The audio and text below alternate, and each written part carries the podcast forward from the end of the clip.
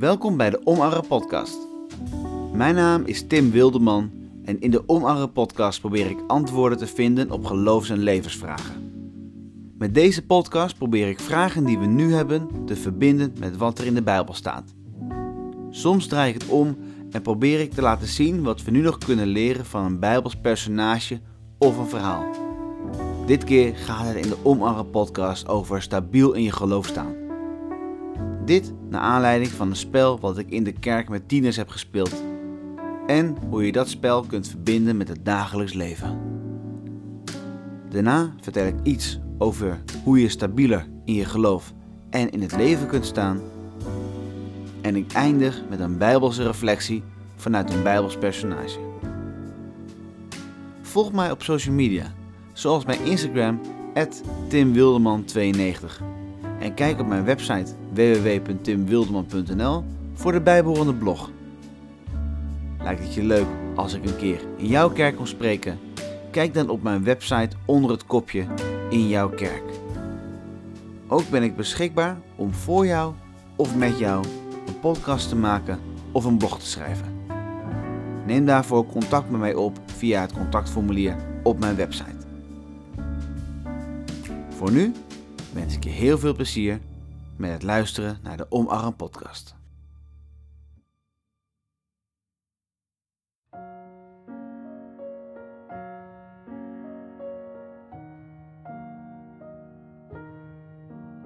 Het leven is net als het spel Twister. Het spel Twister ken je vast wel. Dan sta je met een aantal mensen op een doek met rode, blauwe, groene en gele stippen. En dan moet je een hand of een voet op een van de kleuren zetten als je dat gevraagd wordt. Dus allemaal rechterhand op rood.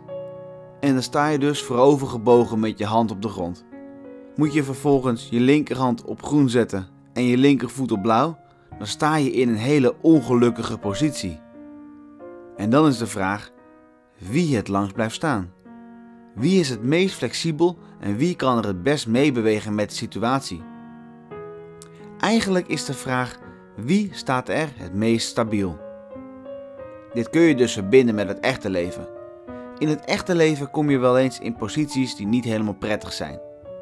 Dat je in een situatie terechtkomt waar je onder gebukt kunt staan. In podcast 22, Kijk omhoog, heb ik al eerder verteld over gebukt gaan in het leven. In deze podcast wil ik daar ietsjes verder op ingaan. Want in dit geval gaat het over stabiel staan in het leven. Je komt in het leven gewoon in situaties terecht waar je niet in wil begeven. Dat je ergens bent waar je niet op je gemak bent. Waar je niet echt jezelf kunt zijn. Of waar je dingen moet doen waardoor je over je grens heen gaat. Ook kan het zijn dat je bij anderen iets moet doen waar je je niet comfortabel bij voelt. En ik kan me goed voorstellen dat je in zo'n geval verstijft en hoopt dat niemand je ziet. Wat ook weer geen fijn gevoel is, want we willen allemaal gezien worden. Aan de andere kant kan je dan ook extra over je grens heen gaan. Vroeger met uitgaan zag ik zoveel jongeren die niet op hun gemak waren en daardoor bijvoorbeeld meer gingen drinken en dingen deden die over hun grens waren. Er is een groot verschil tussen grensoverschrijdend gedrag en grensverrijkend. Is het een gezonde situatie? Iets waar je doorheen moet? Of moet je je er tegen verzetten? En zegt iedere vezel in je lijf dat het niet oké is? Dat je je niet op je gemak voelt? Inmiddels ben ik op een moment in mijn leven gekomen dat ik mij niet zo snel meer ongemakkelijk voel. Dat mijn lichaam zich verzet. Als ik ergens nieuw was of alleen en me niet op mijn gemak voelde, dan kon ik vluchten en snel naar buiten rennen en voor de deur staan, want dan kijken minder mensen naar me. Een manier die we nu gebruiken wanneer we ons niet op ons gemak voelen is door het pakken van onze telefoon. Dan kunnen we ons daarin verstoppen en het signaal geven dat we ergens druk mee bezig zijn. Maar eigenlijk scrollen we gewoon een beetje door onze timeline op Instagram of spelen we een spelletje. Ik mocht laatst in een kerk spreken, daarom dat er vorige week geen podcast was. En achteraf bleef ik even in de hal staan voor als mensen vragen wilden stellen of zeggen dat iets wat ik zei ervoor zorgde dat het hun raakte. Dus ik stond op een zichtbare plek, volledig buiten mijn comfortzone en toch voelde ik mij er veilig, op mijn gemak. Ik kende mijn positie. Het is niet makkelijk om op een spreker, predikant of dominee af te stappen en een gesprek met ze aan te gaan. Dan moet je een drempel over. Ook is het niet makkelijk om de grenzen van een ander aan te voelen, van iemand die je niet kent met betrekking tot de anderhalve meter afstand, waar we nu inmiddels niet meer in zitten. Wat ik deed was, ik stond daar open en bloot, ontzettend kwetsbaar en pakte niet mijn telefoon. Ik wilde beschikbaar zijn en toen de hal bijna helemaal leeg was en alleen nog vrijwilligers over waren, liep ik naar iedereen toe om ze te bedanken en gedag te zeggen.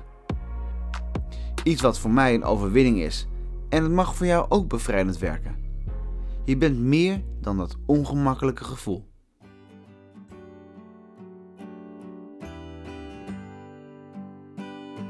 Ik geloof dat je minder ongemakkelijk voelen in het leven en stabieler in het leven staan te maken heeft met jezelf beter leren kennen en dat je beter situaties kunt aanvoelen.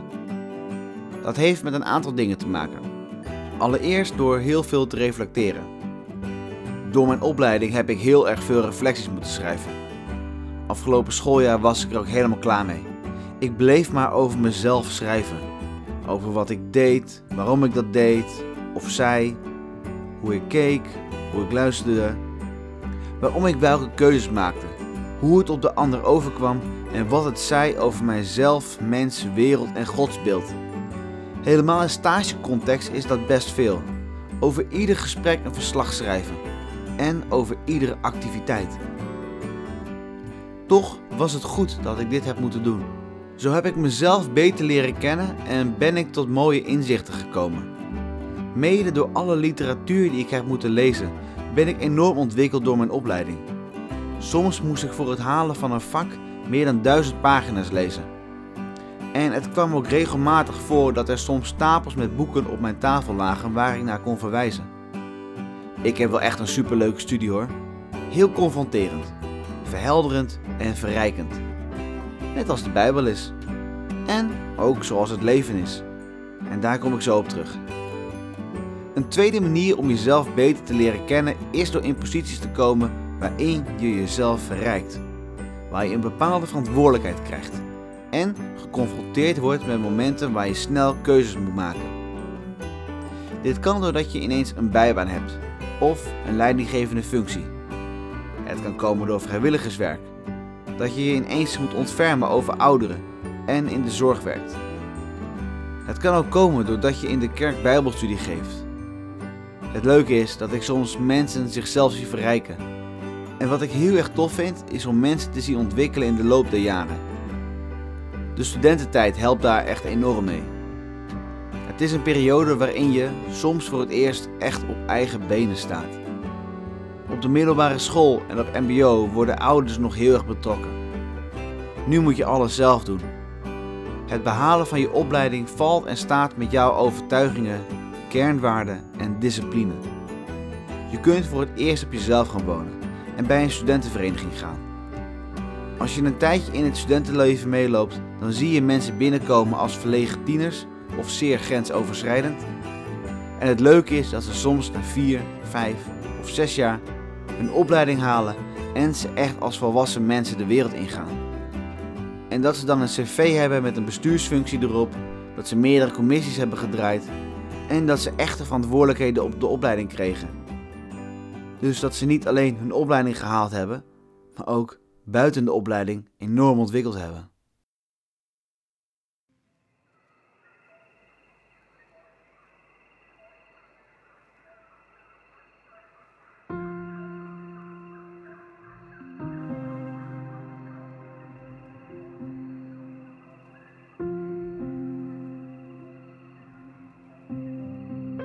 Als er een Bijbels personage is die ik heel inspirerend vind als het gaat om een stabiel persoon zijn, dan is het Jozef uit het Oude Testament. Misschien ken je zijn verhaal wel. Zijn verhaal staat in de Bijbel in Genesis 37 en 39 tot 50. Lees het vooral een keer thuis of google hem. Er zijn ook allemaal films over hem gemaakt. Hij is een super intelligente jongeman. Hij kan namelijk dromen uitleggen. Hij is een van de jongsten in het gezin en hij wordt verwekt bij de favoriete vrouw van zijn vader. Toen was polygamie meer de norm. Jozef was het lievelingetje van zijn vader, wat tot enorm veel woede en onvrede leidde van zijn broers. Jozef kreeg een opleiding van zijn vader en hoefde dus niet vaak hard te werken. Iets wat hij op zijn manier dus wel deed. Zijn broers waren op een gegeven moment helemaal klaar met het arrogante beide handje dat hun broertje was.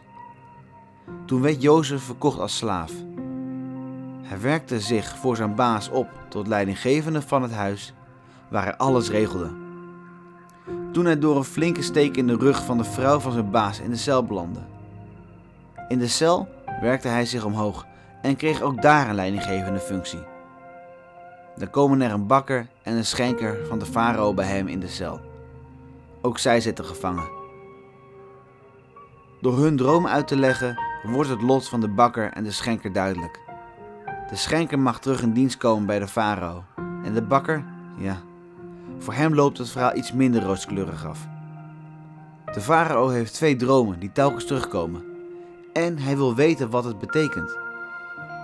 En dan komt de schenker met het advies om Jozef te benaderen. Jozef legt de dromen uit waarin een zevenjarige hongersnood wordt voorspeld. Na zeven jaar van voorspoed. Doordat Jozef een plan heeft, krijgt hij de verantwoordelijkheid als onderkoning van Egypte. Wat op dat moment het grootste rijk op aarde was. Waar het verhaal voor nu om gaat, is dat Jozef in het leven meerdere keren in situaties kwam waar hij niet stabiel in stond. Hij werd slaaf en later een gevangene, verraden door zijn broers en de vrouw van zijn baas. Jozef heeft heel veel ongemakkelijke momenten meegemaakt. Een leven met heel veel downs. Dit alles weerhield Jozef er niet van om stabiel in zijn geloof te staan. In de Bijbel staat ook meerdere keren dat God bij Jozef was en Jozef hielp. Ik geloof dat God ook jou wil helpen in momenten van ongemak, waar grenzen verlegd worden en overschreden worden. Je leven en je geloof groeit niet wanneer je veilig in je bubbel zit, veilig in je comfortzone. Het gaat erom hoe ontwikkel je je en hoe ontplooi je je. Een van de doelen van christen zijn is volgens mij steeds meer op Jezus lijken. Jezus kwam in grensoverschrijdende, ongemakkelijke en zeer vervelende situaties terecht. En daarom geloof ik ook dat het ons niet bespaard zal blijven. We zullen een lastig leven krijgen, om zo te groeien in ons geloof en stabiel in ons geloof te staan, om vervolgens ons geloof in praktijk te brengen. Dienstbaar te zijn voor anderen en elke dag steeds meer op Jezus te lijken. Tot de volgende keer bij de Omarm Podcast.